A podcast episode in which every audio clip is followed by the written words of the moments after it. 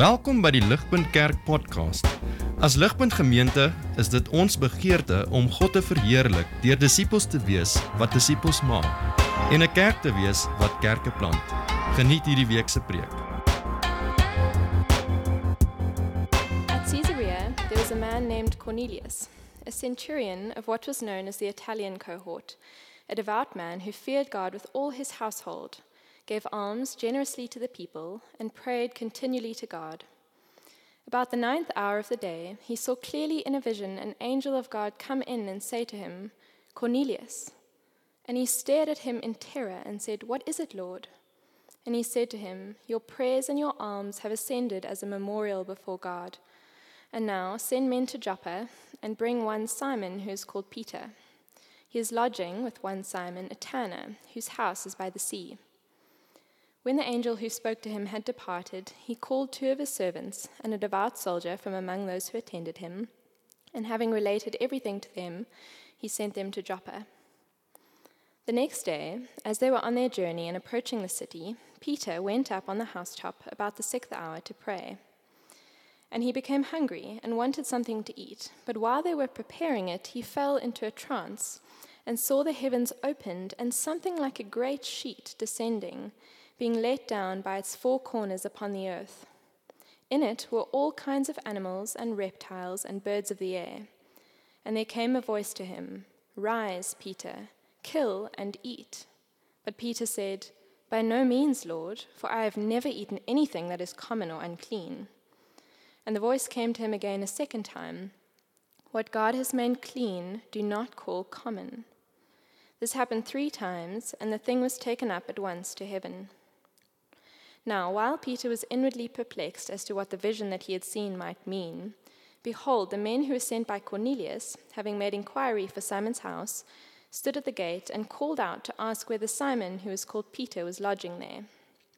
And while Peter was pondering the vision, the Spirit said to him, Behold, three men are looking for you. Rise and go down and accompany them without hesitation, for I have sent them. And Peter went down to the men and said, I am the one you are looking for. What is the reason for your coming? And they said, Cornelius, a centurion, an upright and God fearing man who is well spoken of by the whole Jewish nation, was directed by a holy angel to send for you to come to his house and to hear what you have to say. So he invited them in to be his guests. The next day he rose and went away with them, and some of the brothers from Joppa accompanied him. And on the following day they entered Caesarea. Cornelius was expecting them and had called together his relatives and close friends. When Peter entered, Cornelius met him and fell down at his feet and worshipped him. But Peter lifted him up, saying, Stand up, I too am a man. And as he talked with him, he went in and found many persons gathered.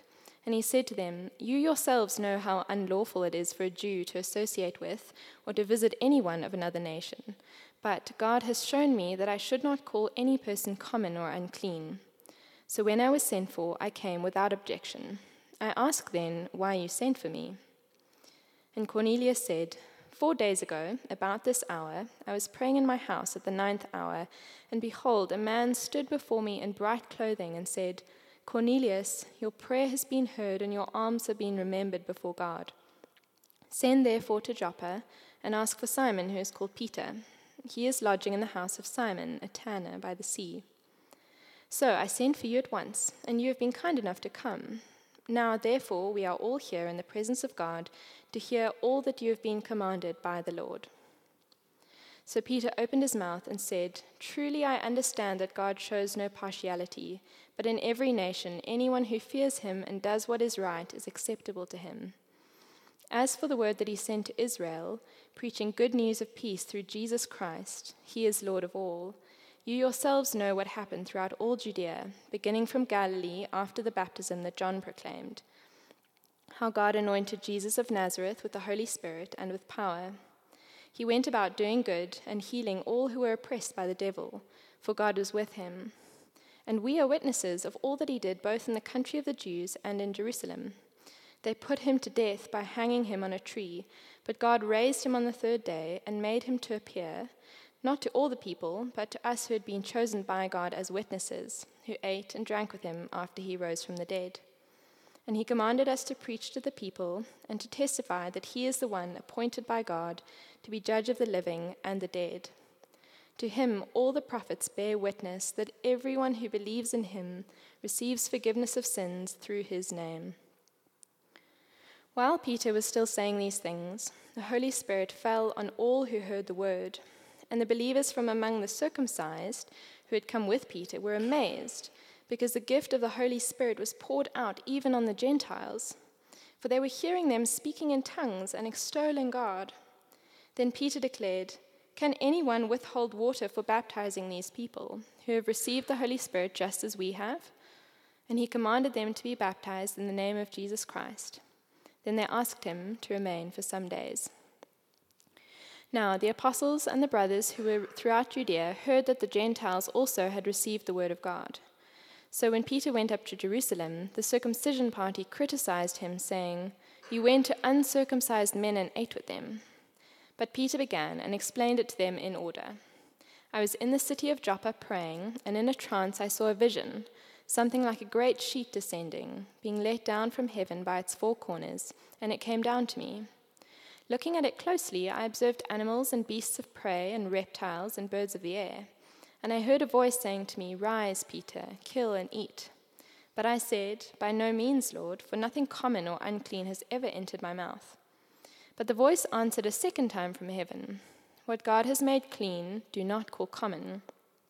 This happened three times, and all was drawn up again into heaven. And behold, at that very moment, three men arrived at the house in which we were, sent to me from Caesarea. And the Spirit told me to go with them, making no distinction. These six brothers also accompanied me, and we entered the man's house. And he told us how he had seen the angel stand in his house and say, Send to Joppa and bring Simon, who is called Peter. He will declare to you a message by which you will be saved, you and all your household. As I began to speak, the Holy Spirit fell on them just as on us at the beginning. And I remembered the word of the Lord, how he said, John baptized with water, but you will be baptized with the Holy Spirit. If then God gave the same gift to them as he gave to us when we believed in the Lord Jesus Christ, who was I that I could stand in God's way? When they heard these things, they fell silent, and they glorified God, saying, Then to the Gentiles also God has granted repentance that leads to life. Now, those who were scattered because of the persecution that arose over Stephen traveled as far as Phoenicia and Cyprus and Antioch, speaking the word to no one except Jews. But there were some of them, men of Cyprus and Cyrene, who on coming to Antioch spoke to the Hellenists also, preaching the Lord Jesus. And the hand of the Lord was with them, and a great number who believed turned to the Lord. The report of this came to the ears of the church in Jerusalem, and they sent Barnabas to Antioch. When he came and saw the grace of God, he was glad, and he exhorted them all to remain faithful to the Lord with steadfast purpose. For he was a good man, full of the Holy Spirit and of faith and a great many people were added to the Lord. So Barnabas went to Tarsus to look for Paul, Saul, and when he had found him, he brought him to Antioch. For a whole year they met with the church and taught a great many people, and in Antioch the disciples were first called Christians. Now in these days prophets came down from Jerusalem to Antioch, and one of them named Agabus stood up and foretold by the Spirit that there would be a great famine over all the world this took place in the days of Claudius. So the disciples determined, every one according to his ability, to send relief to the brothers living in Judea. And they did so, sending it to the elders by the hand of Barnabas and Saul. This is God's word.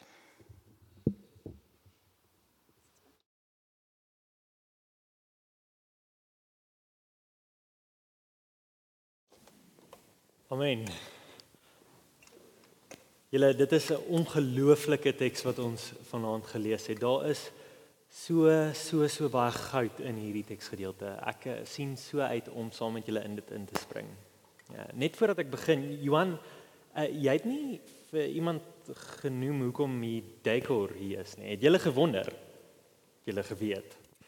Julle volgende week, oh nee, hierdie hierdie Dinsdag wat kom tot Donderdag is ons by Redder Radar.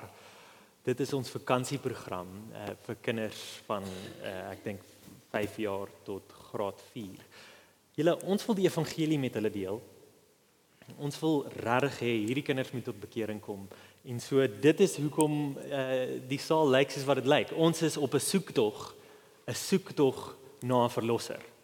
Ehm um, ek is baie opgewonde om daar te wees Dinsdag. Kan ek julle uitnooi as um, as julle 'n bietjie vrye tyd het in hierdie week? Ehm um, jy's dalk 'n student en jy het vakansie.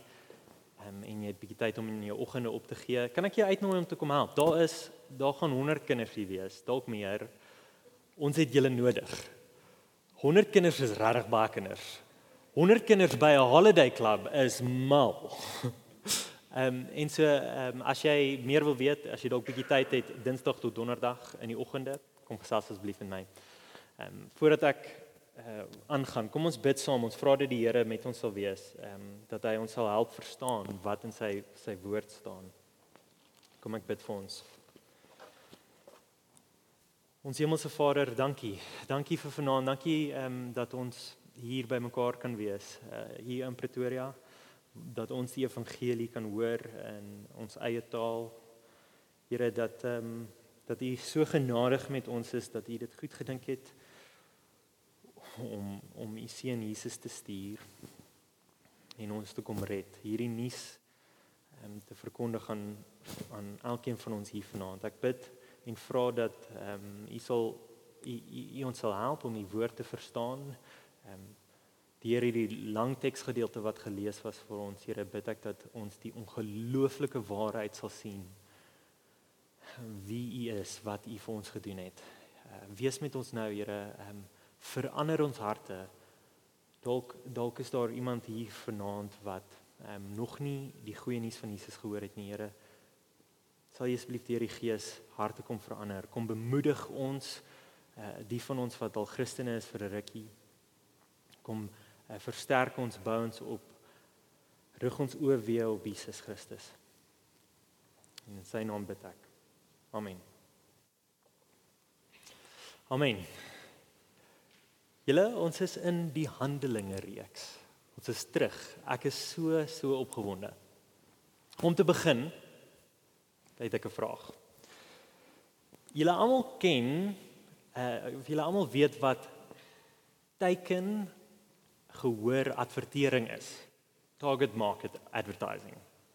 Kan ek sien of julle julle koppe knik. Target market advertising. Dis daai advertensies wat met 'n spesifieke tipe persoon praat en heel duidelik met 'n spesifieke tipe persoon nie praat nie. Vergelyk twee advertensies hier op die bord uh van Logitech muise.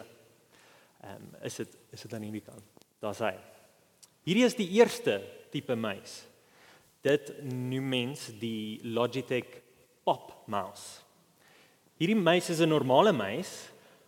Uh behalwe dat hy in baie mooi kleure kom en jy sal sien in die middelste knoppie daar, daai knoppie is spesifiek om jou favorite emoji te kan stuur uh vir jou vriende. En so die ouens die marketing agency by Logitech het gedink oor die wie sal sulke meis waardeer. Natuurlik is dit die millennials en die Gen Z's onder ons en dis hoekom hulle hierdie advertensie uh, gegee het vir hierdie meis. Is hy is hy op? Daar's hy. The Pop Mouse. Julle hierdie advertensie sal my ouers se generasie wegskrik. Right? Hulle sal nie dit verstaan nie, maar dis okay, want hulle kan nie verstaan dat 'n muis meer is as net 'n muis nie. 'n Muis is meer as net linksklik, regsklik en scroll. Dit is 'n geleentheid vir self-expression. Right? Dis nie my woorde nie, dit was Logitech se eie woorde gewees. Hier's nog 'n voorbeeld van target market um advertising. Die volgende muis wat ons hier het is die G502 Hero gaming mouse. Weerens is hierdie muis nie vir almal nie. Right? Hierdie muis is nie vir almal nie. Dit is vir gamers. En daarom lyk die advertensies soos volg. 11 programmable buttons. Wie julle weet jy baie 11 knoppies is. Ek het nie geweet 'n rekenaar kan so baie dinge doen nie. Nê? Nee, maar die maar die ouens wat uh hierdie meis adverteer het geweet hoor 'n gamer gaan net omgee oor een ding en dis specs. Hy gaan omgee wat hierdie meis kan doen.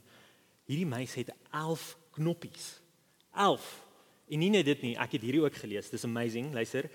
En Hero is in staat om 400 plus IPS te monitor deur 100 tot 25600 dpi range met zero smoothing of filtering of acceleration. Geen idee wat dit beteken nie. Maar Hero kan dit doen. Right.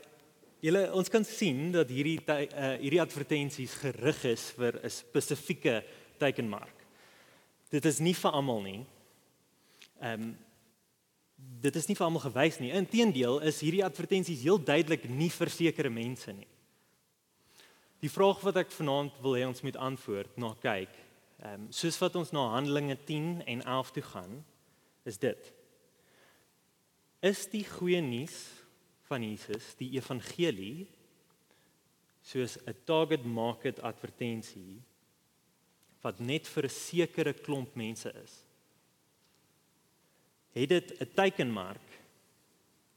sien ons dalk God as die marketing director wat partydig is om hierdie nuus net met 'n sekere klompie mense te deel. Dit is wat ek hoop ons gaan sien in Handelinge 10 en 11. En so kom ons uh, spring in. Julle ons is terug in Handelinge. En ek is ek is regtig baie bly. Dit is so goed vir ons om te sien hoe die vroeë kerk ontstaan het. Dit is baie belangrik vir my en jou vandag om te sien op watter fondasie ons uh, bestaan. Jesus nadat hy uh, doodgemaak was en die dood oorwin het en opgestaan het, het aan sy disippels verskyn aan die begin van Handelinge. En hy het vir hulle gesê, hoorie, julle 12 disippels, wees my getuienis, wees my getuies uh, van hierdie onge, hierdie hierdie belangrike nuus dat ek Jesus die dood oorwin het, dat ek Jesus koning is wat regeer. Ons het in Handelinge 1 een van die belangrikste verse in die boek raak gekom. Handelinge 1 vers 8. Dit is op die skerm. Jesus sê hierdie vir sy disippels: "But you will receive power when the Holy Spirit has come upon you." Wat ons gesien het gebeur het in hoofstuk 2. "And you will be my witnesses in Jerusalem and in all Judea and Samaria and to the ends of the earth." En so regdeur Handelinge vir 'n vinnige recap. Ons het gesien hoe hierdie goeie nuus in Jerusalem begin het. Hier's 'n hier's 'n ehm 'n kaart van uh, waar Jerusalem is in vergelyking met die res van die wêreld. Is dit daar op? Ehm um, ek weet nie of julle kan sien nie, daar's 'n rooi pyltjie. Die goeie nuus het daar begin in Jerusalem. En toe sien ons hoe dit versprei deur die boek van Handelinge na die groter ehm um, uh region van Judea toe. Julle sal dit ook in rooi sien daarop. Die goeie nuus van die Messias van die Jode het gekom. Die redder van die Joodse mense uh wat die Joodse mense voor gewag het. En dit is belangrik om te sien dat alhoewel hierdie uh teksgedeelte momentum gekry, daar is duisende Jode tot bekering gekom tot en met Handelinge 9 ehm um, was die boodskap van die evangelie nog amper eksklusief gewees vir die Joodse mense. Dit was amper net Jode wat hierdie nuus van Jesus gehoor en ontvang het en ek dink daar's twee redes daarvoor. Die een is dat dit is die Joodse Messias wat verwag was. Jesus kom uit uh, die Joodse nasie uit. En so hierdie hierdie nuus is primêrlik eerstens vir die Jode. En so hulle het dit nie gedeel natuurlik met iemand van 'n ander nasie nie. Maar tweedens in ehm uh, Judea, selfs in Samaria was dit meestal Jode wat daar gebly het. Daar was nie baie ander mense van ander nasies en kulture om hierdie nuus te hoor nie. Maar hulle vernoem na die einde van die uithoeke van die wêreld toe. Vandag se teks is die rede hoekom ek en jy vanaand hier sou is. Julle, dit is so belangrik. En so ons moet dit hoor. Hierdie is kosbare nuus. Kan ek vra ehm um, hou asseblief julle Bybels by by julle. Dit is 'n lang teksgedeelte en ek wil hê ons moet aan die einde van die preek die teks verstaan en sien hoe dit van toepassing is op ons. Dat dit nie my woorde is nie, dat dit werklik uit hierdie twee hoofstukke uitkom. En so volg saam met my gaan gereeld terugverwys en ek wil graag hê ons moet sien uh, hoe hierdie storie ontvou. Dis 'n dis 'n lang storie, nê, nee, twee hoofstukke wat ons vanaand na kyk. Ek het dit goed gedink om hierdie ehm um, hoofstukke in 4 scenes op te deel. Storie het altyd ehm um, scenes, so ek dink aan 'n movie. Hier's 4 scenes vanaand. Die eerste een hoofstuk 10 van vers 1 tot 29 sien ons onder die ehm um, opskrif die soektog en die visioen die soektog en die visioen. Ons teks begin in vers 1 van hoofstuk 10. Um in Caesarea, Caesarea there was a man named Cornelius, a centurion of what was known as the Italian cohort, a devout man who feared God. Julle van die heel eerste sin van hierdie storie kom ons agter iets groots gaan gebeur. Ons in die boek van Handelinge was nog nooit so ver noord gewees op die kaart nie. Wys dit asseblief daarbo. Sal julle saam met my sien daai rooi peltjie? Dis baie ver noord, nê? Die die evangelie is besig om te versprei van Jerusalem, Judea, Samaria. Nou is ons al in Caesarea. Weet julle hoe ver is dit van waar dit oorspronklik af gebeur het? Handelinge 1 vers 8 hoort so in ons uh, ore te ehm um, te fluit. Maar die ander groot ding wat ons sien is ons moet on, ontmoet 'n man, 'n karakter met die naam Cornelius. Hy was 'n Romeinse centurion gewees wat 'n soldaat is oor 100 ander soldate. Hy was 'n Romein wat die Joodse volk onderdruk het. Dit was die die die die uh nasie van Rome, die empire het hierdie klein nasie van Israel onderdruk. Dit is die die um, nasie waarvan Cornelius deel is.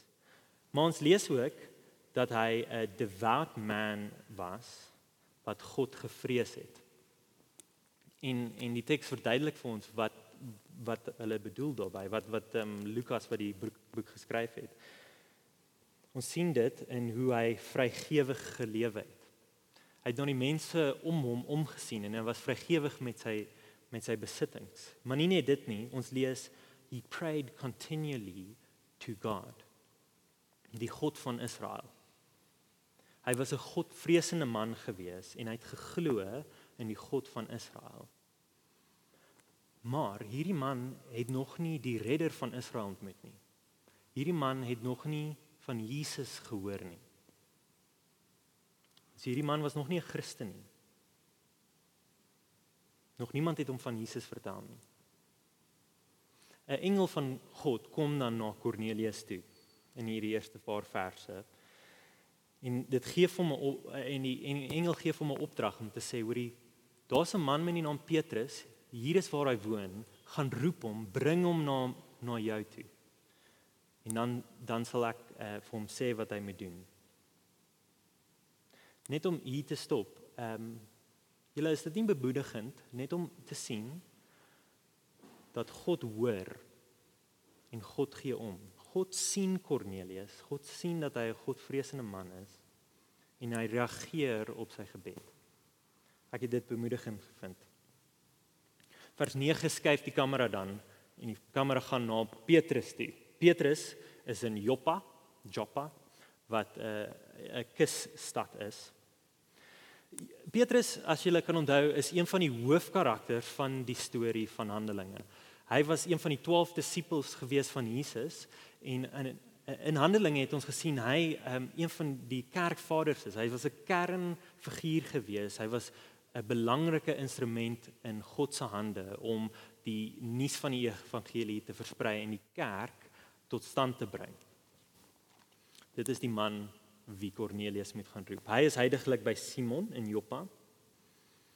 En daar, soos wat Petrus daar ehm um, kuier en en uh, wag, word hy honger en soos wat hulle kos vir hom maak, kry hy 'n visioen van God af.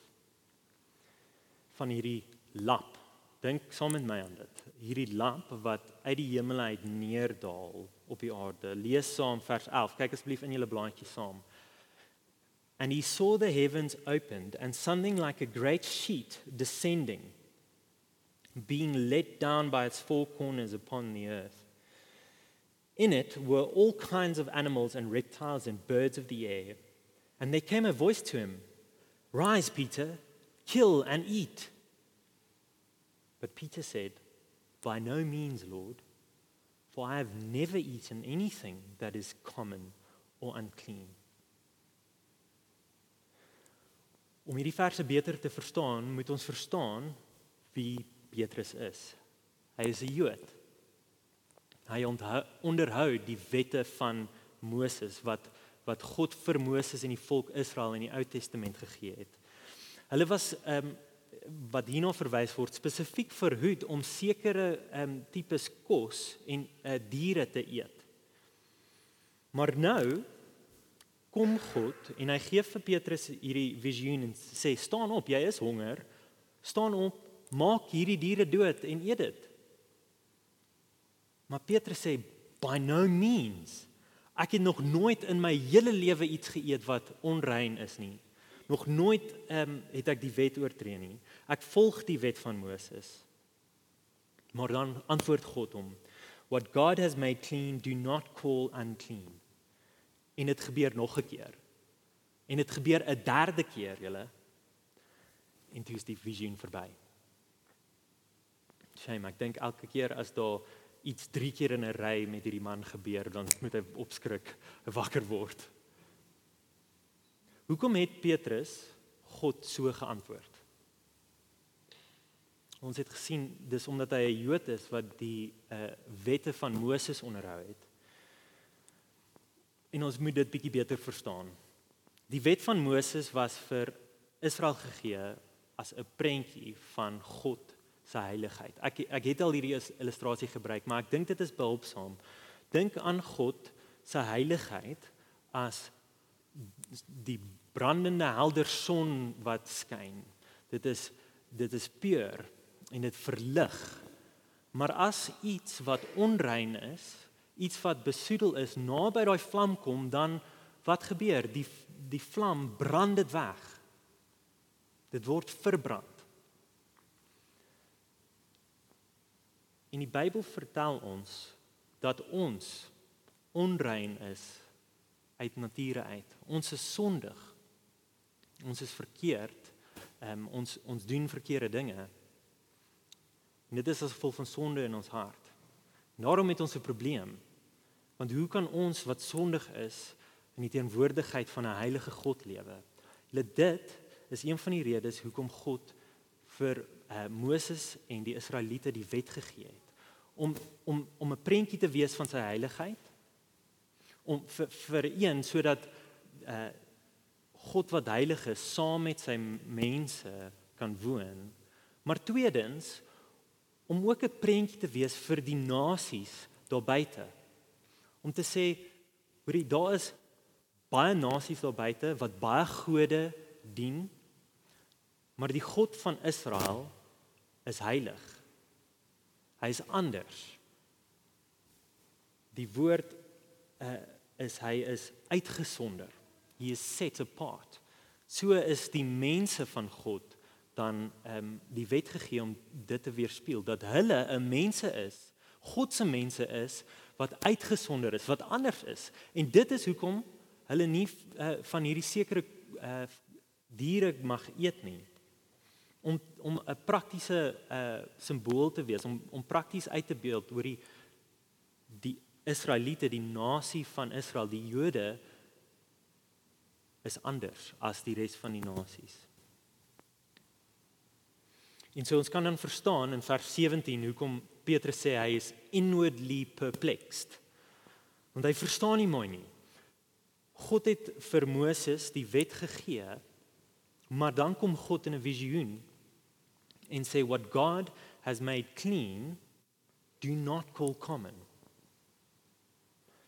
En dan julle in die midde van hierdie worsteling kom die manne van Kornelius na Petrus toe. Hulle klop aan die deur en hulle vra Petrus om saam met hulle te kom. En onder leiding van die Heilige Gees volg Petrus hulle. Maar sit jouself vir 'n oomblik in Petrus se skoene. Hy as 'n Jood was nog nooit in sy lewe in die huis van 'n Romein. Hy was nog nooit in sy lewe in iemand anders as 'n Jood se ehm um, se uh, gesprek nie. Dink hoe onnatuurlik dit vir hom moes voel om deur die deur van Kornelius se huis te stap. Hy luister ehm um, wat hy sê in vers 28. Nou ja, dit sal dit sal ons help. Petrus sê vir hom hoekom hierdie um, so moeilik moes gewees het vir hom. He said you yourselves know how unlawful it is for a Jew to associate with or to visit anyone of another nation. Maar in gehoorsaamheid volg Petrus vir, vir Cornelius en hy begin bietjie verstaan waarmee God besig is vers 28 gaan aan en hy sê God has shown me what uh, that I should not call any person common or unclean.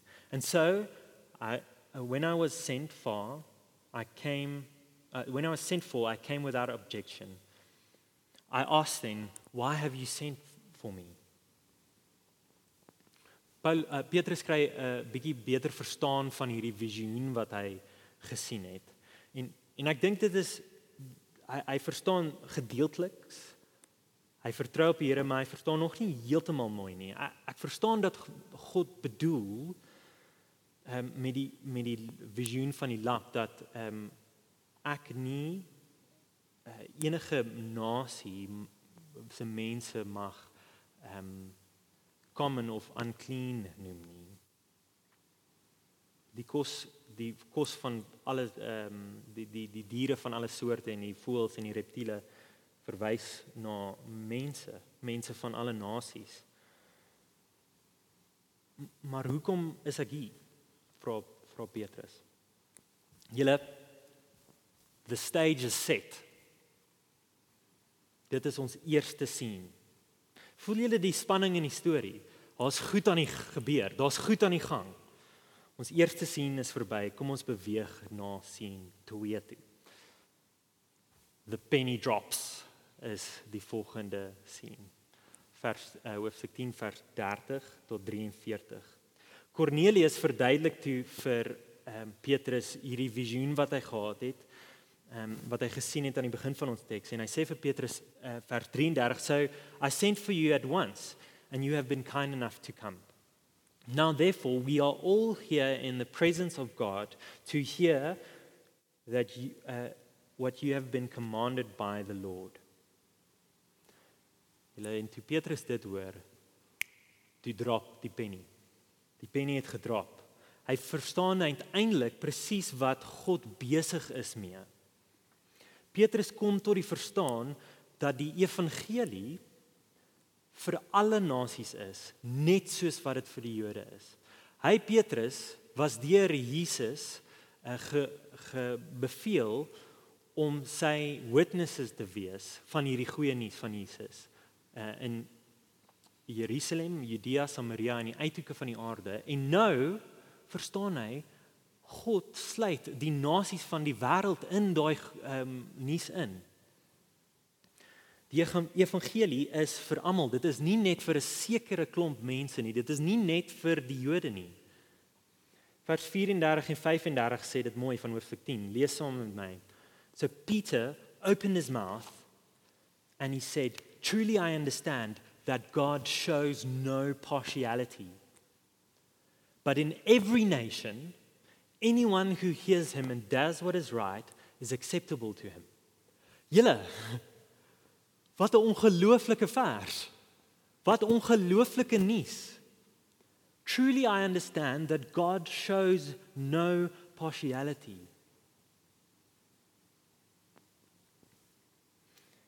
En dan gaan Petrus aan en hy verduidelik tot en met vers 43 verduidelik hy die evangelie. Hy ver, hy gee vir ons 'n recap van die storie van Handelinge tot en met dis ver. Uh net so net soos wat hy gedoen het, ehm um, gepreek het, vir die goeie nuus gepreek het in Handelinge 2, doen hy nou presies dieselfde. Een aspek van die evangelie wat hy preek, wil ek graag hê ons moet op fokus. Vers 43 sê To him that is Jesus, all the prophets bear witness that everyone who believes in him that everyone who believes in him receives forgiveness of sins through his name. Liewe vriende, hierdie is die goeie nuus aan in die kern van wat ons glo. Voel jy moedeloos vanaand? Voel jy jy kan nie opleef tot die standaard wat deur die wêreld gesit word nie? Voel jy skuldig oor jou sonde? Voel jy vasgevang? Voel jy dalk gediskwalifiseer as gevolg van jou sonde?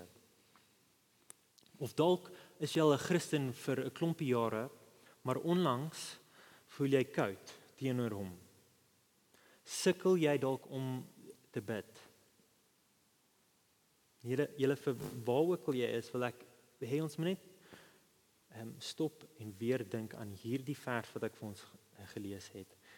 Everyone who believes in him receives forgiveness of sins through his name. Glo jy in Jesus? Jou sonde is vergewe. Glo jy in Jesus? Jou verlede tel nie meer teen jou nie. Jy is vrygemaak daarvan. Glo jy in Jesus? Broer, suster, jy is geliefd. Jesus het jou so so so lief meer as wat ons ooit sal kan verstaan. Glo jy in Jesus? Jy is veilig. Jy word vasgehou. Hy hou jou lewe vas in sy hand. En hy hou jou daar tot in ewigheid saam met hom. Christen en nie-Christen, sien asseblief raak die goeie nuus van die evangelie. Die wonderlike nuus wat ons vanaand sien. Jesus is ons verlosser. En hy is nie ons uh, net 'n sekere tipe persoon of 'n sekere klein hoeveelheid mense verlosser nie. Die nuus is vir almal. Enige iemand kan na Jesus toe kom. Enige iemand kan na Jesus toe kom vir verlossing. Dit is ongelooflike belangrike nuus vanaand julle. sien Jesus raak, vind rus vir jou siel by hom. En alleenlik daar sal jy dit vind. Julle ons gaan dan na ons derde sien toe. Hoofstuk 10 vers 44 tot 48. Die geskenk van die Gees word gegee. Soos wat Petrus die goeie nuus van Jesus verkondig wat hy wat hy nou tot verstaan gekom het, kom die Heilige Gees. God die Heilige Gees kom en val neer op die mense daar. Nie een van hierdie ouens is Jode nie. Die Heilige Gees kom val op ehm, 'n um, klomp Romeine. Wat deel is van die heidene nasies, die Gentiles. En die Heilige Gees kom neer op hulle net soos wat die Heilige Gees neergedaal het op die Christene, die Joodse Christene in in Handelinge 2. En deur dit maak God die punt dat die Gentiles, die mense van die nasies presies dieselfde toegang het tot God in Jesus deur die Heilige Gees. Ons het nou onlangs uh, die boek van Efesiërs gedoen, een liggaam, die liggaam van Christus. Ons het gesien dat gelowiges deel is van een liggaam. Hoekom? Omdat ons almal deel in die een Gees, dieselfde Gees. Die Jood en die Romein wat in Jesus glo, word verenig, is een gemaak. Ons is nou deel van dieselfde liggaam. En so wat is Petrus se reaksie dan? Kyk saam in uh, vers uh, 47. Can anyone withhold water for baptizing these people who have received the Holy Spirit just as we have?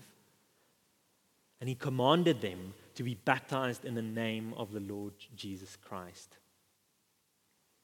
Julle die rede hoekom die Heilige Gees so dramaties uitgestort was, soos wat dit in Handelinge 2 uitgestort was, is ehm um, is die volgende. Dit is 'n teken. Dis 'n teken dat hulle, die nie-Joodse mense, die mense van alle nasies nou deel kan wees van die mense van God. En so Petrus beveel hulle word gedoop in die naam van Jesus. Hier's 'n baie belangrike eh, bevel vir ons in hierdie teks. Jy wat hier sit wat die goeie nuus van Jesus ontvang het, gehoor het, gesê het ja, hy is my redder, hy is my koning. Kan ek vir jou vra, is jy al gedoop? Is jy al gedoop? sien hoe Petrus dit uh nie 'n uh, nice to have uh, kommunikeer nie. Hy um hy sê can anyone withhold water for baptizing? He commanded them to be baptized in the name of Jesus Christ.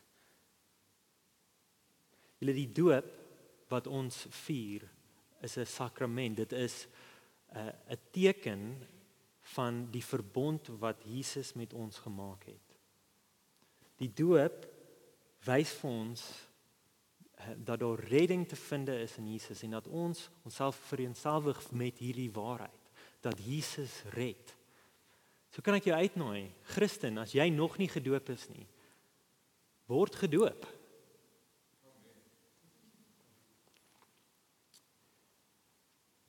Ons gaan dan aan en ons sien die laaste sien. Hoofstuk 11, die hele hoofstuk 11 sien ons die nuus versprei. Ons sien in uh, vers 1 tot 18 sien ons die nuus kom terug na Jerusalem toe. Dit wat nou net gebeur het, kom na die ore toe in uh, in die kerk van die mense in die kerk in Jerusalem. En dan vers 19 tot 30 sien ons hierdie nuus gaan uit. Dit gaan uit na Antiochië toe hoofstuk ehm um, die eerste deel van hierdie laaste sien. Na hierdie paradigm shift plaasgevind het, kom dit na die ore toe van die mense wat in Jerusalem woon en hulle is skepties, net soos Petrus was, want hoorie Petrus het ons reg gehoor, jy het jy het na Romein toe gaan en in sy huis gestap. Het jy hom gedoop? Petrus, wat doen jy? Dit kan nie wees nie. Maar dan kom Petrus na hulle toe en hy sê: "Hoorie, nee, hierdie is nie my te doen nie. Dit is God wat dit gedoen het. Die Heilige Gees het vir my gesê dat ek nie met onderskeid tref nie." Uh, vers 7, uh, die 17 is Bible Psalm. If then God gave the same gift to them as he gave to us when we believed in the Lord Jesus Christ, who was I that I could stand in God's way? Hier sien ons God se plan van die begin af. En ek het dit keer op keer al vanaand gesê dat elke volk, stam, taal nog God toe kan kom vir redding in sy seun Jesus. En so toe die kerk in Jerusalem hierdie nuus hoor, toe sê hulle vers 18, when they heard these things they fell silent. Daar was nie kritiek meer nie. They glorified God, saying, Then to the Gentiles also God has granted repentance that leads to life. En dan ons laaste verse 19 tot 30 sien ons hoe uh, aan die hand van vervolging die die kerk in Jerusalem versprei. Ehm um, as julle kan onthou van Stefanus wat ehm um, gestenig was. Hierdie nuus versprei soos wat die mense vlug uit Jerusalem uit toe. Uh uit Jerusalem uit na die die res van die wêreld. En hulle begin hierdie goeie nuus van Jesus deel met die mense rondom hulle. En hulle glo in wat nou net gebeur het in in hoofstuk 10. Hulle glo dat hierdie goeie nuus ook is vir ander mense. Dit is nie net vir hulle fellow Jode nie, dit is vir almal. En so daar word 'n kerk gestig in Antiochië, 'n baie baie baie belangrike kerk van mense van verskeie tale en kulture wat bymekaar gekom het in hierdie metropolitan stad. Dit was baie ver van Jerusalem af, maar ons sien hoe daar 'n vennootskap ontwikkel.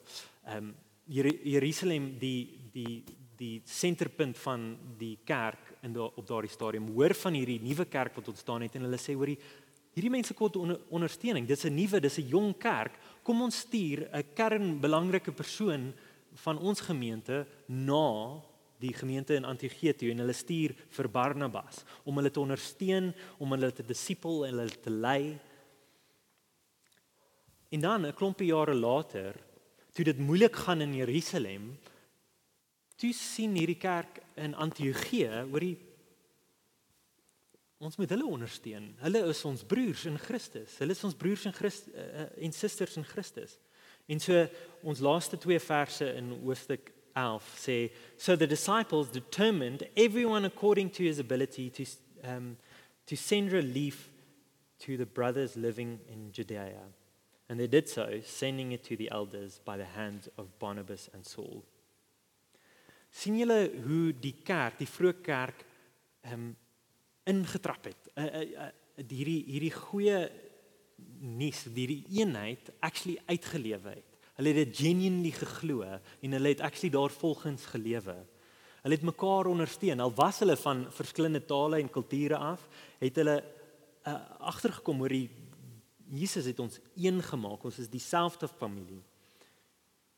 En so kom ons check in gou vinnig op Handelinge 1 vers 8. You will be my witnesses in Jerusalem and Judea and Samaria and to the ends of the earth. Kom ons sien waar Antiochia sit. Julle sien hier hoe ver is dit? Ek het nog 'n prentjie wat vir ons wys, daai eerste kaart wat ek gewys het in vergelyking met hierdie tweede kaart. As julle dit sal wys. Julle gesien? Ons ons was impressed deur die goeie nuus wat gegaan het na Caesarea toe. Sien julle waar's dit nou? Dis in Antiochië. Dit is so ver weg. Die, die evangelie versprei. Hierdie kerk Antiochië is 'n 'n kernbelangrike kerk vir uh, Handelinge uh, 11 tot die einde. So hou hierdie kerk dop. Julle hier is die hoofpunt weer. God is nie partydig teenoor enigiemand nie en daarom hoort ek en jy ook nie te wees nie. 'n paar dinge wat ek dink ons um, moet oor gesels soos wat ons um, dit huis toe vat is die volgende. As jy hierso sit en jy is 'n Christen, sien weer raak dat dit uitsluitlik net deur geloof in Jesus is wat jy gered kan word. Dit gaan nie help om te sê ek is 'n Afrikaner nie. Ek het groot geword in die kerk. My ouers was in die kerk. Dit kan jou nie red nie. Dit is alleenlik genade uh, geloof in Jesus wat jou kan red. Maar 'n tweede ding. Kom ons wees nie partydig teenoor ander Christene nie. Hê jou broers en susters in Christus lief. Al lyk hulle nie soos jy nie, al dink hulle nie soos jy nie, al praat hulle nie dieselfde taal as wat jy praat nie. Hanteer hulle soos broers en susters. Hierdie hierdie teks spreek tot die tot die hart van van sonde wat ons wat ons wil maak dat ons mense uitbuit of rassisties wil wees teenoor iemand van 'n ander kultuur. Die nuus van die evangelie is nee, nee nee nee, ons almal is gelyk voor Jesus. Ons almal is gelyk voor God, ons is geliefd. Maar daar's nie favorites nie. Ons almal is saam in hierdie ding. Eerder as om om uh, mense uit te buit en rassisties te wees. Julle kom ons kom ons sien hoe ons hulle nodig het. Hoe ons mekaar nodig het, hoe ons ons uh medebroers en susters van ander ehm um, van ander kulture en tale nodig het. Ons het die groot voorreg hier by Ligpunt om deel te wees van 'n groter netwerk van kerke. En een van die dinge wat belangrik is is om elke nou en dan een van daar daardie predikante in te kry ehm um, dat hulle vir ons preek, dat ons kan sien hoor die ons glo wat ons sê en ons doen wat ons glo. 'n Ander voorbeeld wat ek dink behulpsaam is is waar baie van julle by betrokke is by die tutoring in Mamelodi. Dit is 'n baie praktiese manier hoe ons kan wys dat ons een is. Uh Sigle en Cebu is deel van hierdie netwerk van ons kerke. Um, en dit is ongelooflik om soos wat ons by hulle leer en soos wat hulle by ons leer, ons saam kan hande vat in die gospel. Ons kan partner in die gospel. teenoor nie Christen nie, kan ek ons aanmoedig, kom ons wees um mission minded. Kom ons kyk uitwaarts. Ons kom ons dink aan die evangelie as goeie nuus wat gedeel kan word met enigiemand. Kom ons wees nie inwaarts inwaarts uh, gefokus nie. Deel die nuus met enigiemand en almal wat wil luister, wat kan luister. Vat hierso 'n tydjie nou. Dink in jou lewe, dink in die verskillende sfere van jou lewe waar jy dalk mag betrokke wees. Is daar iemand in jou lewe wat nog nie die evangelie gehoor het nie? Is daar iemand wat die evangelie nodig het?